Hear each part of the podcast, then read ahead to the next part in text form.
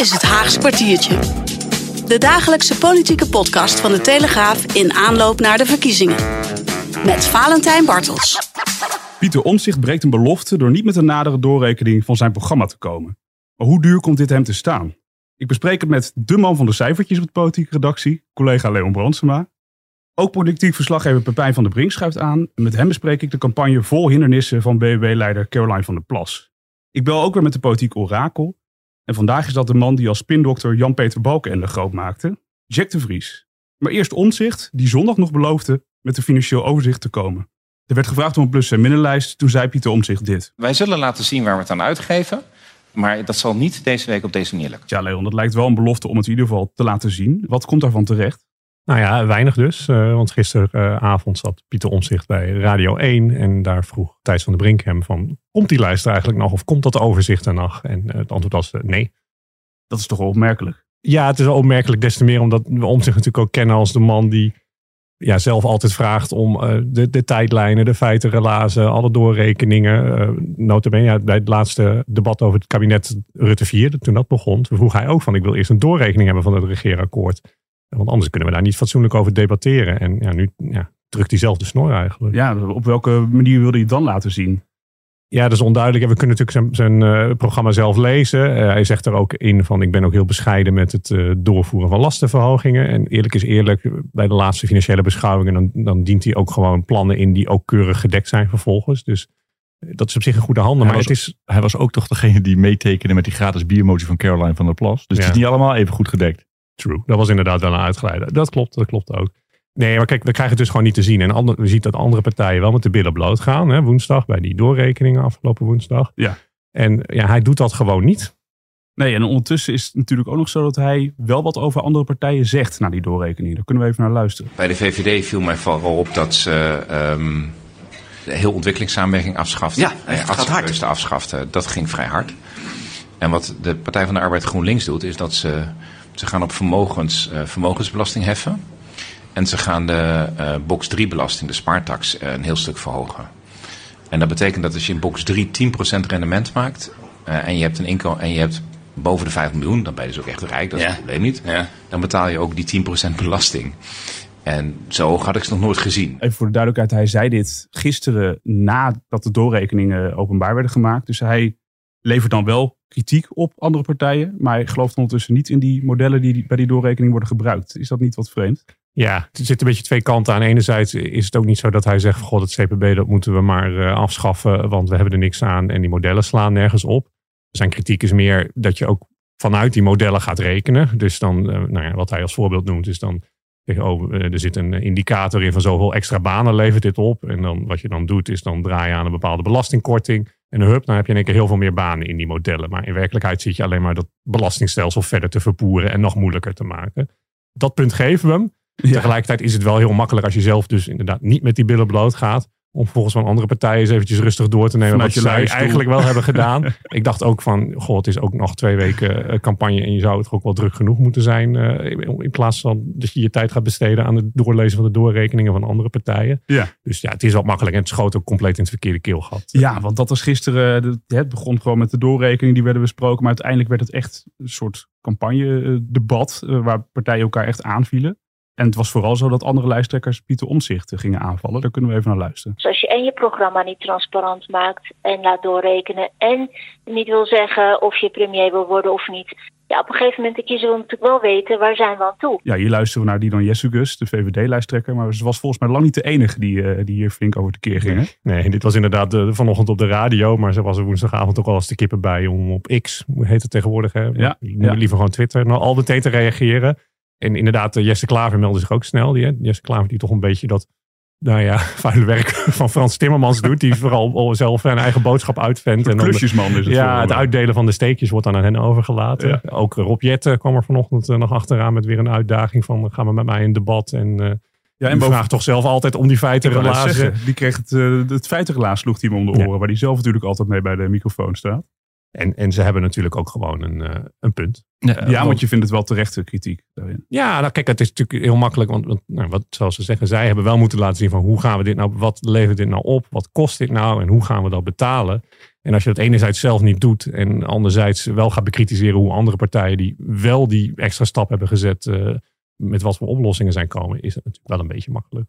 Ja, De handschoenen zijn eindelijk uit, zullen we maar zeggen. Zeker richting omzicht. Nou ja, wat daar natuurlijk denk ik ook nog wel opvallend bij is. Gisteren kwam er weer een, een peiling binnen waarbij je een soort tweestrijd zich aftekent tussen NSC en VVD. Die steek van Dylan Jessugus was denk ik ook niet helemaal toevallig. Want die twee partijen die lijken nu eh, hoge ogen te gooien samen. Ja, en vissen misschien ook wel een beetje in dezelfde vijver. eh, Denk je dat, dat haar uithaal daarin dat dat, dat dat bewust is? Dat ze denkt, hier kan ik hem... eh, Ja, dat vind ik moeilijk te peilen. Kijk, je ziet wel dat ze in elk geval zoiets hebben van... hé, hey, we hebben nu een zwakke plek gevonden. Hè? Dat, dat zit hem hierop eh, van jij rekent je plannen niet door... en jij maakt niet duidelijk wat je nou precies wil. Anderzijds zit het natuurlijk op het punt van... wil je nou premier worden of niet? Ja, daar, daar heeft ze deze week ook al wat over gezegd natuurlijk. Ja, en dan zeggen ze van... ja, als iemand zoveel twijfelt over zo'n mooi ambt...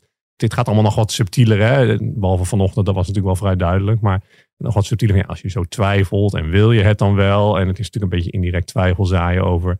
het karakter van omzicht en, eh, en, en, en de treuzelarij eh, die we vaak van hem zien. Maar als premier moet je natuurlijk wel zeg maar, snel beslissingen kunnen nemen. En hij neemt echt overal heel erg lang de tijd voor. Ja, Of ja. hij wel gaat meedoen, of hij premier wil worden. Hoe groot hij wil worden, waar hij gaat meedoen.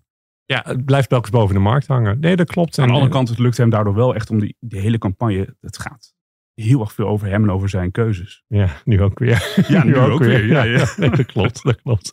Nee, hij trekt de aandacht naar zich toe. Dat Ja. klopt. Maar ja, niet alle aandacht hoeft goede aandacht. Nee, nee, zeker niet. Nou, we blijven het volgen komende weken tot aan de verkiezing. Eh, Caroline van der Plas is natuurlijk ook met haar campagne bezig. En dat is een campagne vol hindernissen. Gisteren zat ze bij het eh, programma VI. Daar vertelde ze over dat dat een, een hele lastige periode voor haar is geweest. Want het was ook in de tijd dat het boek van uh, Marcia uitkwam. Wat echt een gigantische impact heeft gehad uh, op mij. Die weken waren niet mijn finest hours, uh, zeg maar.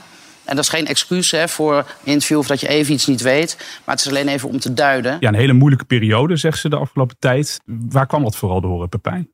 Nou, dat kwam natuurlijk vooral door dat, tenminste dat zij vertelde ze gisteren bij VI. Er is een boek uitgekomen van uh, Marcia Nieuwenhuis. Daar staat één hoofdstuk in. Het gaat over de vechtscheiding die zij met haar ex-man heeft gehad. Dus ook de vader van haar twee kinderen. Die twee kinderen hebben verzocht aan Marcia Nieuwenhuis om dat hoofdstuk niet op te nemen. Eh, omdat het eigenlijk de hele boel weer oprakelt. En dat gaat ze gewoon niet in de koude kleren zitten. Want Marcia Nieuwenhuis heeft dat verzoek uh, genegeerd. Die heeft gewoon een biografie over Caroline van der Plas geschreven. Ja, ze draagt dat eigenlijk een beetje aan als excuus of als reden waarom het de laatste ja, Ze zijn er volgens mij ook direct bij van ik wil het niet als excuus aanvoeren. Maar het, het heeft wel ermee te maken gehad dat de afgelopen tijd voor haar heel erg ingewikkeld was, toch? Dat is hoe ze het... Uh...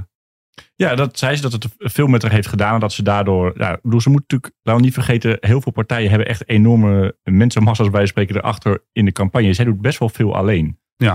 Uh, je hebt natuurlijk Mona Keizer en, en Henk Vermeer op de achtergrond. Maar uh, ze doet best wel veel. Dus als zij wat minder lekker in de vel zit, is het ook niet zo gek. Ja. Dat het dan even wat uh, minder makkelijk gaat. Ja, maar, Pepijn, alle begrip daarvoor misschien. Maar er is natuurlijk niet alleen maar dat boek geweest. Er is ook een, een uh, lancering van een premierskandidaat geweest. Die vervolgens eigenlijk uh, ontkend werd. Zeker. Er is een, uh, een interview geweest in de Telegraaf. Die, dat niet zo lekker ging.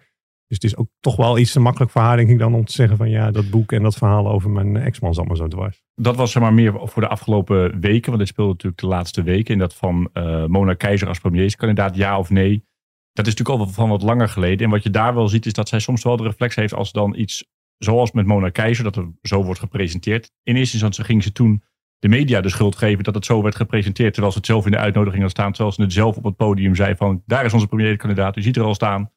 Mona Keizer. Die neiging heeft ze wel een beetje. En het is natuurlijk ook zo in campagnetijd dat ja, dit soort dingen kunnen gebeuren. Dat is ontzettend vervelend. Maar je wordt wel gewoon afgerekend op wat je laat zien dan, toch? In die periode. Ja, er zijn wat dat betreft uh, niet dat, dat je even op de pauzeknop kunt drukken of zo. Nee, nee, dat hebben we ook bij jullie interviewen gezien. Dus het werd hartstikke duidelijk. Misschien moet je het zoals omzicht doen. Gewoon heel, heel erg lang over dingen gaan nadenken. Ja, dan koop je ook wel tijd voor jezelf natuurlijk. Ja.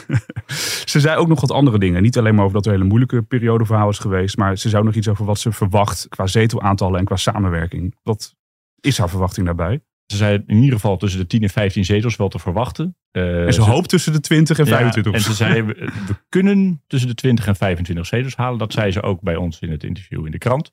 Ja. Uh, en ze staat in de laatste peiling op 8, minder dan 10, ja. ja. ja, klopt. Het, het gaat wel echt naar beneden. Dat zie je op zich wel vaker als een partij zeg maar, met een, een dalende trend in de peilingen de verkiezingen ingaat of de campagne ingaat. Ja, dan wordt het wel heel erg lastig. Zij denkt zelf overigens dat ze kan gaan verrassen. Ze denkt dat in de peilingen niet alle mensen die zeg maar, op haar gaan stemmen, dat die eh, zijn gerepresenteerd.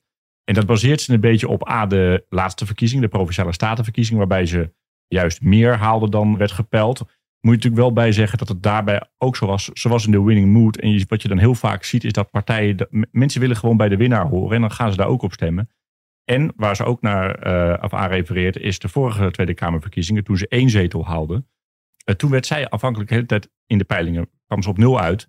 Terwijl bijvoorbeeld bij één en Splinter wel op een zetel stonden. En toen haalde zij er wel één. Splinter haalde er geen. En ze haalde geloof ik bijna twee keer zoveel stemmen als bij één. En met wie wil ze eigenlijk samenwerken? Nou, op zich eh, met NSC, want ze heeft al gezegd: ik wil met Ik Pieter. wil met Pieter. Ja, Ja, dat kwam ze een- ook weer op terug een week later toen het over de veestapel ging, geloof ik. Ja, dat, toen verweet ze hem D66-taal. Maar ze wil in ieder geval met Pieter. En ze wil, als de VVD iets minder links is, zoals ze dat noemt, wil ze ook wel met de VVD. Ze heeft eerder al gezegd dat ze ook de SGP wel ziet zitten. En ze zei gisteren ook over de PVV dat het ook wel een optie is. Maar dan moet er wel heel veel water eh, bij de wijn. Kijk eens aan. We gaan komende weken volgen of zij eh, toch de weg omhoog weer te vinden in de peilingen. Ontzettend bedankt hiervoor Pepijn en ook eh, Leon. Dan ga ik bellen met het orakel van vandaag. Dat is de bekendste spindokter van Nederland, Jack de Vries. Het orakel.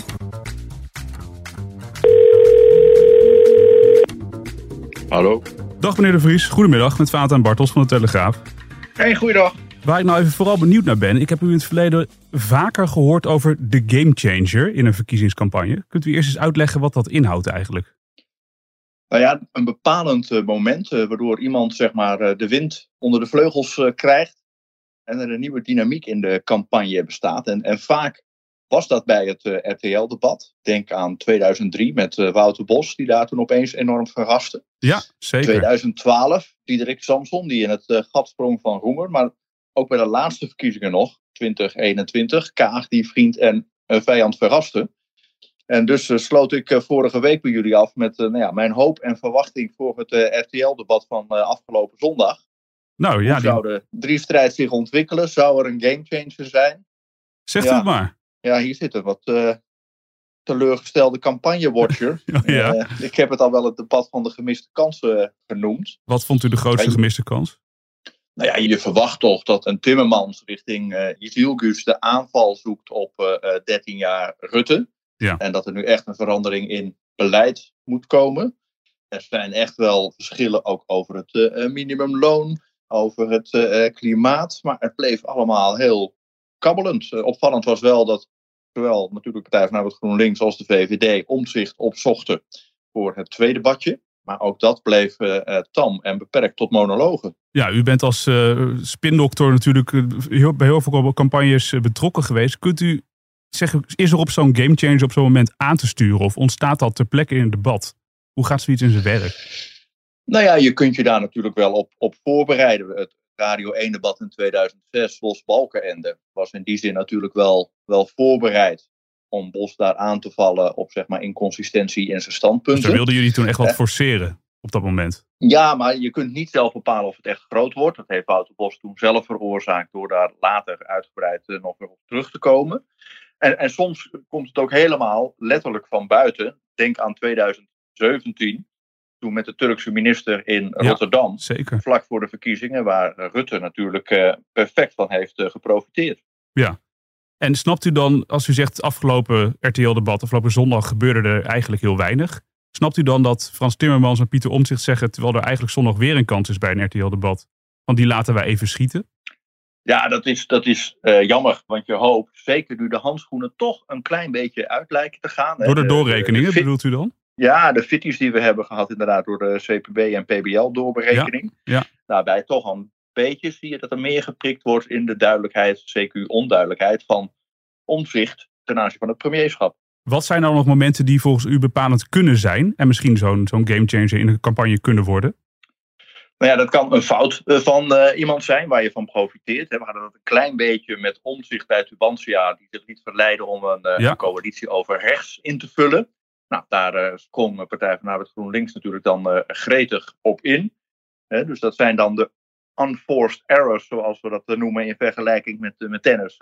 Fouten Ja, die ja. ja, niet aangestuurd, maar wel gemaakt worden, waar je dan van probeert te profiteren.